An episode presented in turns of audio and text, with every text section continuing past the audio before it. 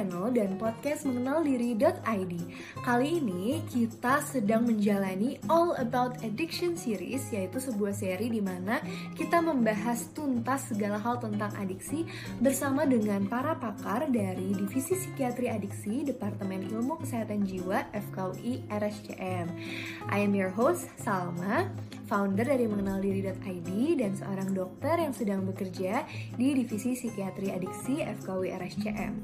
Nah, hari ini kita bakal ngebahas satu topik yang sangat dekat banget sama kehidupan kita. Gak cuma remaja aja sih, tapi juga orang tua nih yang udah mulai gaul gitu ya. Yaitu adalah kecanduan media sosial. Apa sih dampaknya bagi kesehatan mental? Nah, udah pada penasaran kan? Tentunya aku nggak ngomong sendiri nih hari ini. Kita sudah mengundang seorang pakar juga di bidang psikiatri adiksi yaitu Dr. Angelin Hanafi, Bachelor of Medical Science, spesialis kedokteran jiwa. Dr. Angelin ini atau biasa dikenal sebagai Dr. Angie menyelesaikan pendidikan kedokteran dan juga spesialis kedokteran jiwa di Universitas Indonesia dan mendapatkan Bachelor of Medical Science dari University of Melbourne, Australia. Wah, mantap banget nih. Udah gak sabar kita langsung ngobrol-ngobrol aja sama dokter Angie. Yuk, kita sapa dokter Angie. Selamat pagi, dok. Selamat pagi, Salma. Apa kabar, Salma? Kabar baik, dokter. Dan sangat senang hari ini mau ngobrol-ngobrol sama dokter. Dokter, apa kabar, dok? Saya sehat banget. Oke dokter. Nah tadi kan aku sudah memperkenalkan uh, dokter Angie secara singkat. Mungkin dokter Angie mau memperkenalkan diri lagi. Saat ini dokter lagi sibuk apa? Dokter um, hobinya apa gitu mungkin dok? Halo semuanya, kenalkan nama saya Angelin Hanafi. Biasanya saya dipanggil sebagai Angie sih. Kalau misalnya sama orang-orang terdekat ya, kadang-kadang sama pasien juga dipanggilnya seperti itu. Nah sekarang ini seperti tadi Salma juga katakan, saya sekarang kerjanya di divisi psikiatri adiksi. RSCM FKUI sejak tahun 2019. Nah, sibuknya ngapain? Tentunya sibuknya untuk fokus sama bidang psikiatri adiksi nih, sesuai dengan topik hari ini juga ya, Salma ya. Nah, kalau misalnya tadi Salma juga katakan tentang hobi. Aduh, apa ya hobi saya? Nah, e, macam-macam sih ya. Jadi kalau misalnya saya sih cenderung untuk nyari macam-macam hal supaya bisa bikin seneng gitu. Jadi saya suka ngerajut, suka nonton TV juga gitu. Eh, tapi nonton TV nggak, mungkin nggak TV kali ya, karena sekarang jarang ada TV di rumah. Jadi mungkin nonton Netflix kali. Mungkin teman-teman juga punya hobi yang sama sama saya gitu. Nah, kira-kira kalau misalnya perkenalan diri singkat, nah itu saya kayak gitulah kira-kira sama. Oke dok, kalau pakai media sosial termasuk hobi dokter bukan dok? Ah iya nih, jadi ya mau gimana pun kita kan ya sekarang kan ikut perkembangan digital ya. Jadi mau nggak mau punya lah akun-akun media sosial dan memang dari beberapa akun itu ada um, satu atau dua yang memang saya akses terus gitu. Oke dok, nah kan kita kan ngomongin tentang uh, kecanduan media sosial ya dok, tapi mungkin dari tadi kita baru ngobrol bentar aja, pasti tentunya kita nggak bisa lepas ya dok dari media sosial, kayak bahkan dokter yang juga merupakan seorang uh, dokter yang lalu tiap hari bekerja uh, dengan pasien-pasien yang mengalami adiksi pun tetap pasti tetap punya gitu ya dok media sosial tetap mengakses internet dan tuh nggak mungkin uh, lepas. Mungkin hanya se segelintir orang kali ya dok yang nggak punya medsos uh, zaman sekarang.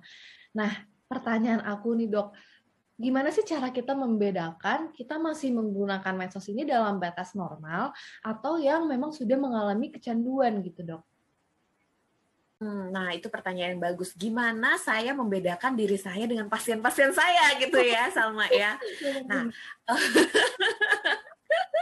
Betul, tentunya kalau misalnya kita lagi ngomongin kecanduan gitu ya, eh, bagaimana kita membedakan yang normal sama yang nggak normal. Nah, kita balik lagi ke kriteria kecanduan itu sendiri. Jadi apakah kita itu sudah masuk ke kriteria kecanduan? Kriteria kecanduan kan ada macam-macam ya. Memang kalau misalnya untuk masalah media sosial ini itu berbeda nih dengan dengan orang-orang e, misalnya dengan kecanduan nafza gitu misalnya. Jadi kalau misalnya kita merasa oh jangan-jangan saya kecanduan media sosial, yang pertama, apakah prioritas mengakses media sosial itu menjadi uh, paling tinggi di antara apa? Di antara kebutuhan sehari-hari. Contohnya, jadi lebih penting daripada makan, lebih penting dibanding tidur, lebih penting dibandingkan misalnya ke sekolah, kerja, dan lain-lain. Itu nomor satu. Yang kedua, apakah terjadi peningkatan dari waktu kita mengakses media sosial itu? Mungkin tadinya cuma misalnya 15 menit dalam sehari, lama-lama jadi satu jam, lama-lama jadi setengah jam, lama-lama sepanjang hari itu kita harus kayak buka terus gitu ya. Nah itu juga termasuk uh, sebuah kriteria kecanduan. Apalagi Nah, yang paling uh, mungkin yang paling penting gitu ya, kalau misalnya kita mengakses media sosial itu sampai mengganggu kehidupan kita sehari-hari. Contohnya, kita jadi misalnya jadi berantem terus sama orang tua. Kenapa? Karena kita disuruh makan, tapi kita nggak mau gitu misalnya.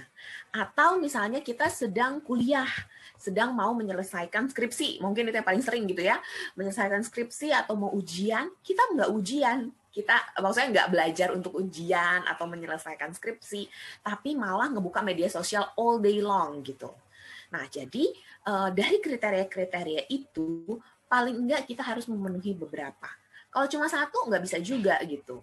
Jadi kayak misalnya kalau cuma oh saya makin lama makin sering nih mengakses media sosial nggak bisa juga kayak gitu gitu. Nah, kira-kira kayak gitu tuh untuk ngebedainnya. Nih dokter, jadi ternyata ada kriteria-kriteria tadi ya dok, jadi bukan cuma dari durasinya aja mungkin, tapi kita juga lihat tadi apakah itu sampai mengganggu kegiatan sehari-hari dan juga sampai um, menjadi prioritas dibandingkan hal-hal yang mungkin juga sebenarnya penting dan sangat-sangat dibutuhkan dalam hidup kita, misalnya makan gitu ya dok, atau kegiatan sekolah gitu. Oke, nah mungkin pertanyaan aku nih dok, kalau misalnya ada orang yang memang uh, kerjanya itu pakai medsos dok. Misalnya um, kayak admin all shop gitu dok. Atau misalnya kayak saya punya Instagram mengenal diri ini kan tentunya saya harus update terus nih dok uh, apa pekerjaan saya ini melalui medsos. Nah itu apakah uh, apa ya apakah itu bisa dikatakan kecanduan juga? Atau itu menjadi faktor resiko aja ya dok Nah, uh, itu pertanyaan yang bagus nih Salma. Jadi, ini gimana kita membedakan kalau misalnya kita memang menggunakannya secara berlebihan tapi ke arah yang negatif atau ini memang untuk keperluan kerja. Nah, kita me melihatnya dari tujuan kita menggunakan media sosial itu. Nah, apakah kita memang uh, kalau misalnya punya tujuan untuk bekerja, untuk menghasilkan uang. Nah itu nggak masalah. Kenapa? Karena kita bisa ngontrol tuh. Kalau misalnya Salma nih misalnya nggak lagi uh, mau mempublikasikan um, apa ya, misalnya podcastnya atau lain-lain gitu ya, kan bisa stop gitu ya Salma, Salma ya. Bisa sambil belajar, makanya Salma juga bisa lulus dengan nilai yang baik gitu ya Salma ya. Nah itu tuh masalahnya. Uh, apa perbedaannya tuh yang paling signifikan. Nah seseorang kan kalau misalnya mau jualan juga mereka kan kalau misalnya makan ya makan gitu ya nggak tiap hari. Terus misalnya sampai nggak tidur nggak segala macam gitu. Nah bedanya di situ. Kalau misalnya kita memang menggunakan media sosial biasanya nomor satu untuk merasa uh, apa ya menghilangkan ini yang paling populer sih sama ya FOMO kata orang tuh. Hmm. fear of missing out itu nomor satu sebagai tujuan yang paling eh, nggak uh, bagus dari media sosial sebenarnya. Itu yang menjadi faktor resiko paling berat ke arah seseorang mengalami kecanduan media sosial. Jadi kenapa nih tujuan kita untuk buka Instagram atau Twitter atau misalnya Facebook apa? Kalau misalnya kita untuk jualan, misalnya untuk promosi, ada suatu um, tujuan tertentu, itu nggak apa-apa tapi kalau misalnya tujuannya supaya, oh gue nggak mau ketinggalan berita nih. Kenapa? Karena kayaknya teman-teman gue lagi begini. Kalau misalnya gue nggak tahu, nanti gue ketinggalan zaman gitu. Nah, FOMO-nya keluar tuh, fear of missing out-nya gitu kan. Nah, itu bahaya banget. Nah, itu menjadi mungkin salah satu contoh-contoh awal dari uh, mungkin pertama jadi problematic use dulu gitu ya. Lama-kelamaan menjadi suatu kondisi kecanduan. Seperti itu gitu sama. Oke dok, sebenarnya kalau FOMO sendiri itu suatu hal yang wajar nggak sih dok? Atau um, kalau kita udah FOMO itu artinya kita harus udah hati-hati banget nih. Kayaknya kita udah mulai kecanduan gitu dok. Nah, iya betul. Nah, FOMO itu sebenarnya nggak masalah ya dalam um, dalam arti gini kita kalau misalnya masih bisa ngontrol oh ya udah deh kalau misalnya hari ini gue harus uh, buka media sosial. Kenapa? Karena gue jangan sampai kelewatan uh, ngakses podcast gitu misalnya. Nah itu kan tetap ada tujuannya ya. Nah tapi kalau misalnya FOMO-nya sampai setiap hari yang kayak aku harus tahu setiap detik atau setiap uh, menit apa yang dilakukan oleh teman-temanku apa yang dilakukan oleh orang-orang orang di sekitarku. Nah, itu kan bahaya ya sama ya. Nah, kalau misalnya kita sampai punya pikiran seperti itu, apalagi nih ada yang sesuatu yang dinamakan apa ya kayaknya uh, orang suka bilang phone vibration syndrome gitu. Nah, maksudnya apa tuh? Jadi itu um, berkaitan juga sama FOMO. Jadi kan um, apa ya? Kita punya handphone atau smartphone itu kan biasanya kita antara silent or vibrating or um, apa ya muncul notifikasi tertentu. Nah, kalau kita sampai punya sindrom-sindrom seperti itu, jadi contohnya dia getar dikit terus kita udah panik gitu. Aduh, itu ada notifikasi gue harus baca nih gitu ya. Atau hmm. misalnya dia muncul nih di laptop kan kalau misalnya kita pakai web uh, punya gitu ya, dia muncul tintong gitu kan. Terus kita udah mulai yang kayak apa ya apa ya dia balas nggak ya dan segala macam gitu ya. Nah, itu tuh yang mulai bahaya tuh Salma. Tapi kalau misalnya kita nggak mengkhawatirkan hal um, sampai seperti itu, nggak apa-apa. Hmm, Oke okay, dok, jadi sebenarnya FOMO itu wajar, tapi kalau misalnya udah sampai berlebihan itu yang kita harus berhati-hati gitu ya dok. Oke dok, nah mungkin kalau dari uh, pengalaman saya sendiri nih dok, kalau misalnya pakai media sosial itu, um, kalau saya lagi nggak mindful gitu ya dok, saya uh, akan sangat mudah untuk uh, membandingkan diri saya dengan orang lain gitu. Mungkin terutama kalau pakai Instagram kan kita kayak ngelihat uh, kita kayak ngelihat misalnya uh, teman-teman kita uh, apa ya prestasinya ditunjukkan di media sosial atau ngelihat foto teman kita yang ya ampun cantik banget, badannya bagus banget, terus jadi membandingkan diri sama diri kita sendiri gitu dok. Nah itu kira-kira bisa nggak sih berdampak ke uh, kesehatan mental kita gitu dok? Kalau misalnya itu terus-menerus um, terjadi gitu dok? Bagus banget nih membahas hal ini. Kenapa? Karena ini yang menjadi sorotan oleh para peneliti sebenarnya. Uh, media sosial bagus gitu. Kita jadi bisa komunikasi sama orang di tempat yang jauh, di tempat yang nggak satu benua sama kita gitu. Nah, tapi apakah ada dampak-dampak lain? Kan kita cenderung makhluk sosial ya. Kita cenderung untuk compare ourselves with the others gitu. Nah, kalau misalnya kita membandingkan diri kita terus, uh, peneliti berpikir nih, apakah kita akan jadi punya gangguan jiwa gitu ya? Apakah kita jadi lebih depres? Apakah kita menjadi lebih anxious gitu? Ternyata menurut penelitian betul itu jadinya, um, Salma. Nomor satu resiko dari pemakaian media sosial yang sangat berlebihan adalah depresi dan kecemasan. Kenapa? Karena kita membandingkan diri kita dengan orang lain. Belum lagi apa? Ada cyberbullying gitu ya. Terus belum lagi terorisme yang um, apa dia berkedok di media sosial sebagai suatu uh, apa ya misalnya kampanye tertentu seperti itu dan seperti yang kita ketahui bahwa yang mengakses media sosial itu banyak kan perempuan ya hmm. dibandingkan laki-laki nah kenapa karena perempuan kan suka bersosialisasi nih. Terus juga secara hormonal sebenarnya bisa lebih mengungkapkan emosinya, bisa lebih sensitif dibandingkan laki-laki. Dan um, sifat ini yang membuat perempuan yang mengakses media sosial itu lebih beresiko mengalami depresi dan kecemasan. Nah, tadi kan Salma memberikan contoh nih, aku menjadi peng, um, kalau misalnya jadi misalnya kan ngeliatin misalnya foto artis atau selebgram atau sejenisnya gitu ya. Terus kita jadi, aduh aku pengen banget kayak dia gitu kan. Terus mulai beli barang dan segala macem gitu ya. Nah, itu justru kan yang membuat kita jadi kayaknya insecure sama diri kita. Yang tadinya kita memang udah insecure, tambah insecure lagi. Kenapa? Karena kita jadi peka terhadap standar yang ada di media sosial itu gitu lama kelamaan apa yang terjadi karena kita sudah membuat um, idealnya yang mungkin kalau namanya ideal ya jauh lebih tinggi daripada apa yang kita miliki sekarang gitu. Nah, jadinya kalau misalnya kita nggak bisa mencapai ideal itu, lama kelamaan apa yang terjadi? Kita kecewa. Nah, kecewa yang berkali-kali itu bisa uh, membuat kita mengalami suatu gangguan jiwa tertentu Belum lagi kalau misalnya kita kayaknya merasa cemas gitu.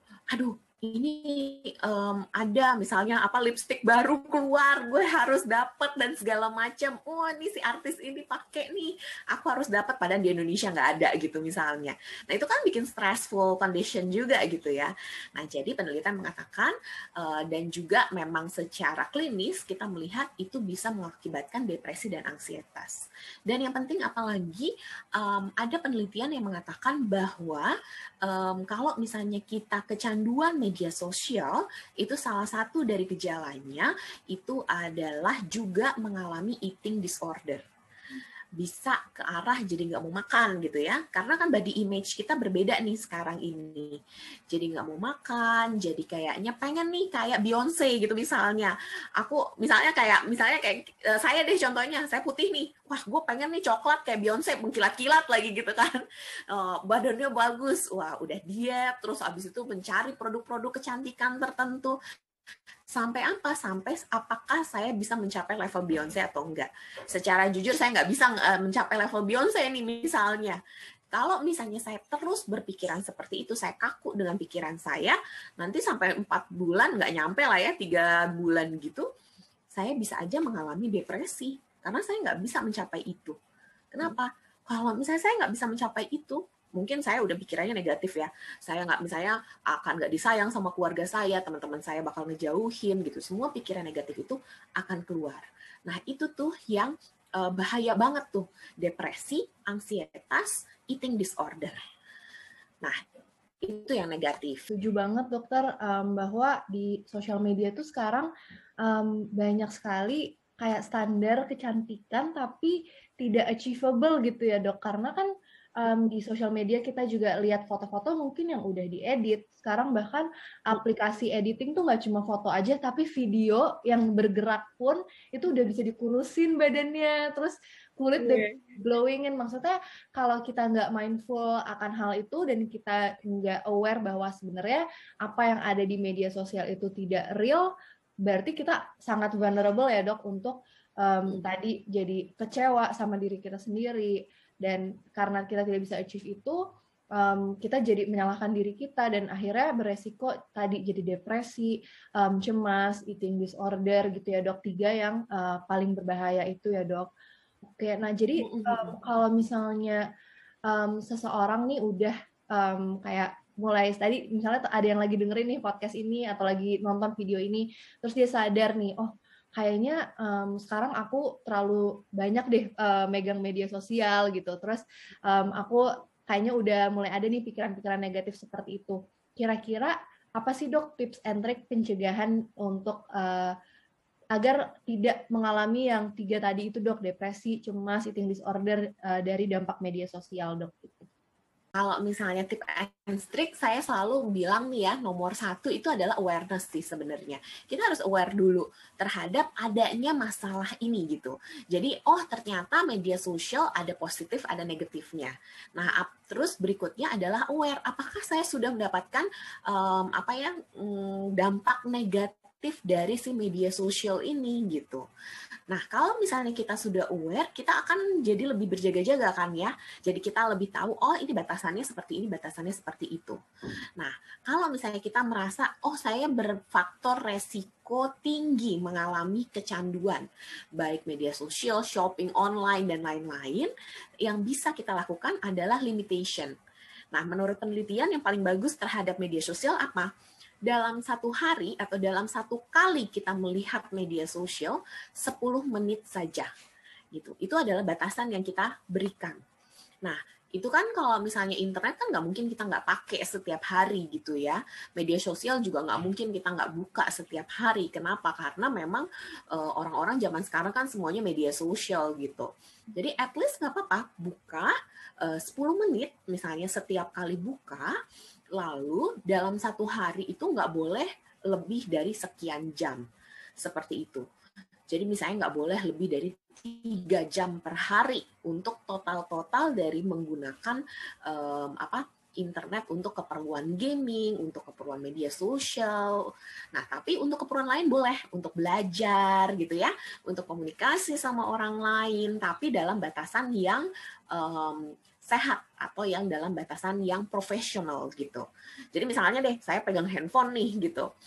Nah, saya punya suatu um, kontrol pada diri saya bahwa saya akan buka misalnya buka Twitter or Instagram gitu. Tapi sama 10 menit aja. Kalau udah 10 menit, belnya bunyi, saya akan tutup, nanti lagi gitu. Saya harus melakukan sesuatu yang lain. Nah, biasanya memang ini tantangan tersendiri ya. Kadang-kadang kan kita kan apa ya, berantai gitu.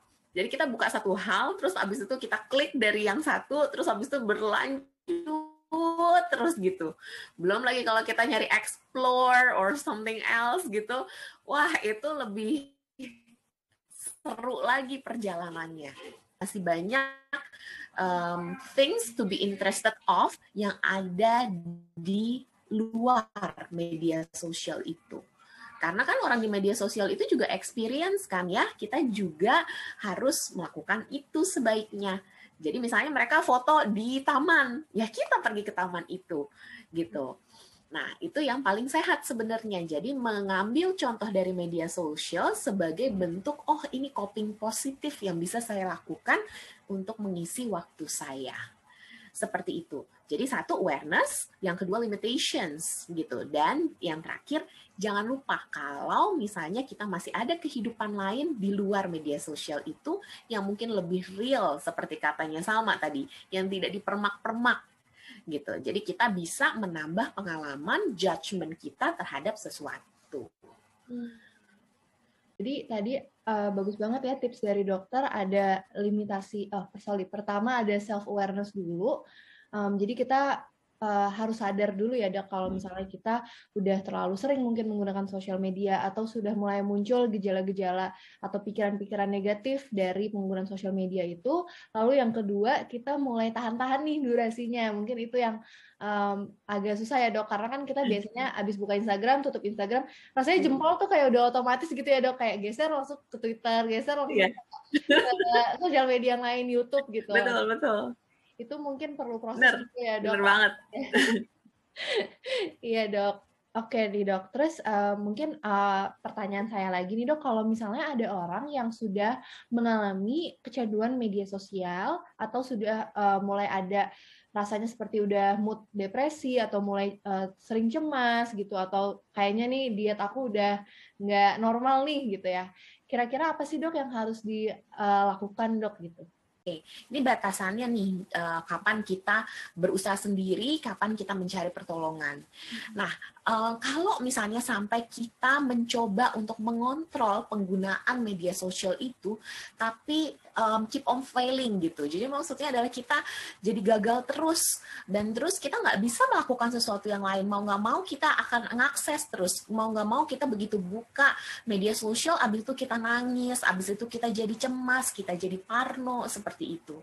Dan kita nggak bisa um, membantu diri kita sendiri pada posisi itu dan keluarga kita juga belum bisa membantu kita, maka itu adalah batasannya kita mencari bantuan profesional.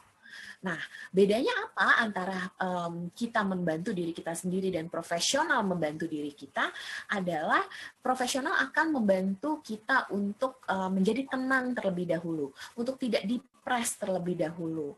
Nah, uh, setelah itu baru dengan bantuan dari orang lain, dari profesional akan ada suatu pengobatan terstruktur yang isinya adalah bagaimana kita mengatur pikiran, perasaan, dan perilaku kita supaya kita jadi bisa mengontrol suatu penggunaan media sosial. Mungkin waktu pertama jadi abstinence dulu atau misalnya nggak pakai sama sekali, tapi lama-kelamaan kita jadi bisa menggunakan media sosial secara sehat. Nah itu adalah tujuannya gitu. Karena biasanya nggak cuma satu hal gitu ya Salma ya. Kalau misalnya udah sampai parah seperti itu atau misalnya sampai berat itu biasanya kan kita udah sampai uh, yang tadi Salma katakan depres or kita juga mengalami suatu kons, uh, ansietas atau sampai eating disorder tentu saja kita butuh bantuan kalau misalnya kita nggak bisa. Jadi um, jangan takut untuk meminta bantuan karena um, itu suatu hal yang justru suatu hal yang positif karena kita aware to ourselves dan kita sayang sama diri kita sebenarnya pada saat kita meminta bantuan itu. Dan lagi pula kan ini biasanya anak rema, uh, anak remaja sampai dewasa muda gitu ya. Ya walaupun ada sih yang dewasa lanjut cuma artinya apa? Kehidupan kita masih panjang gitu. Jadi kalau misalnya kita bisa mengontrol sekarang ini, tentunya di masa depan apa pun yang akan terjadi, uh, misalnya media sosial dengan taraf apa pun yang nanti akan keluar di masa depan, kita sudah bisa menghandlenya. Jadi semakin cepat semakin baik. Uh, jangan takut untuk meminta bantuan. Oke dokter, terima kasih dok. Jadi teman-teman nggak usah takut kalau misalnya memang memerlukan bantuan, uh, jangan ragu-ragu untuk ke profesional, bisa ke dokter umum, ke psikolog atau psikiater sesuai dengan yang ada di daerah kalian. Karena kan kalau mungkin orang dulu suka mikirnya ke psikiater itu pasti gila atau ke psikiater itu pasti memiliki gangguan kejiwaan yang berat, tapi ya sekarang itu psikiater nggak cuma buat itu ya dok, tapi bahkan dari pencegahan, dari mulai orang-orang yang mungkin udah deteksi dini dan um, kalau misalnya memang kita tangani uh, lebih awal, uh, pasti juga akan hasilnya outcome-nya akan lebih baik gitu ya dok. Oke deh, nah ini karena Betul kita... sekali. Jangan takut ke psikiater. ya, oke dok, karena kita udah hampir 20 menit nih dok ngobrol-ngobrol, mungkin terakhir apakah ada take home message dari dokter terkait uh, tentang uh, dampak dari kecanduan media sosial terhadap kesehatan mental kita dok? Baik, terima kasih Salma. Jadi mungkin uh, pesan dari saya adalah media sosial itu adalah sesuatu hal yang memang lumrah ya di zaman sekarang. Ada dampak positif, ada dampak negatifnya. Kalau sudah sampai kecanduan, tentu saja itu mempengaruhi kehidupan kamu, baik secara um, keluarga, sosial maupun kehidupan sehari-hari yang kesannya lebih personal. Oleh karena itu, yang pertama adalah aware bahwa ada masalah ini, lalu bikinlah limitasi terhadap diri sendiri, dan kalau misalnya sudah sampai mengalami gangguan-gangguan lain, misalnya depresi, cemas, dan eating disorder, jangan lupa uh, asking for help dari mana? Dari teman, dari keluarga, dan dari tenaga profesional. Tenang saja, sekarang ini dunia semakin berkembang. Jadi, walaupun kita ke seorang psikiater misalnya, kita nggak akan terlalu distigma terhadap hal tersebut bahwa itu semua adalah hal yang uh, lumrah dengan perkembangan teknologi sekarang ini. Se, uh, kalau misalnya kita sudah punya dasar yang baik, tentu saja di kemudian hari kita akan menjadi seorang individu yang sehat dan yang bisa sukses, um, insya Allah ya di masa depan. Oke, terima kasih banyak ya Dokter Angie sudah meluangkan waktunya untuk sharing-sharing sama kita hari ini. Um, semoga bermanfaat untuk teman-teman semua. Dan kita masih banyak ya dok episode-episode selanjutnya di All About Addiction Series ini. Jadi jangan lupa untuk follow terus Instagram kita di menaldiri.id, follow podcastnya juga di Spotify Mengenal Diri, dan YouTube channel kita juga Mengenal Diri. Oke, kalau gitu terima kasih banyak ya Dokter Angie. Terima kasih banyak ya Salma. Seru banget. Sampai jumpa besok dokter di rumah sakit. Dadah Salma. Thank you ya. Thank you dok.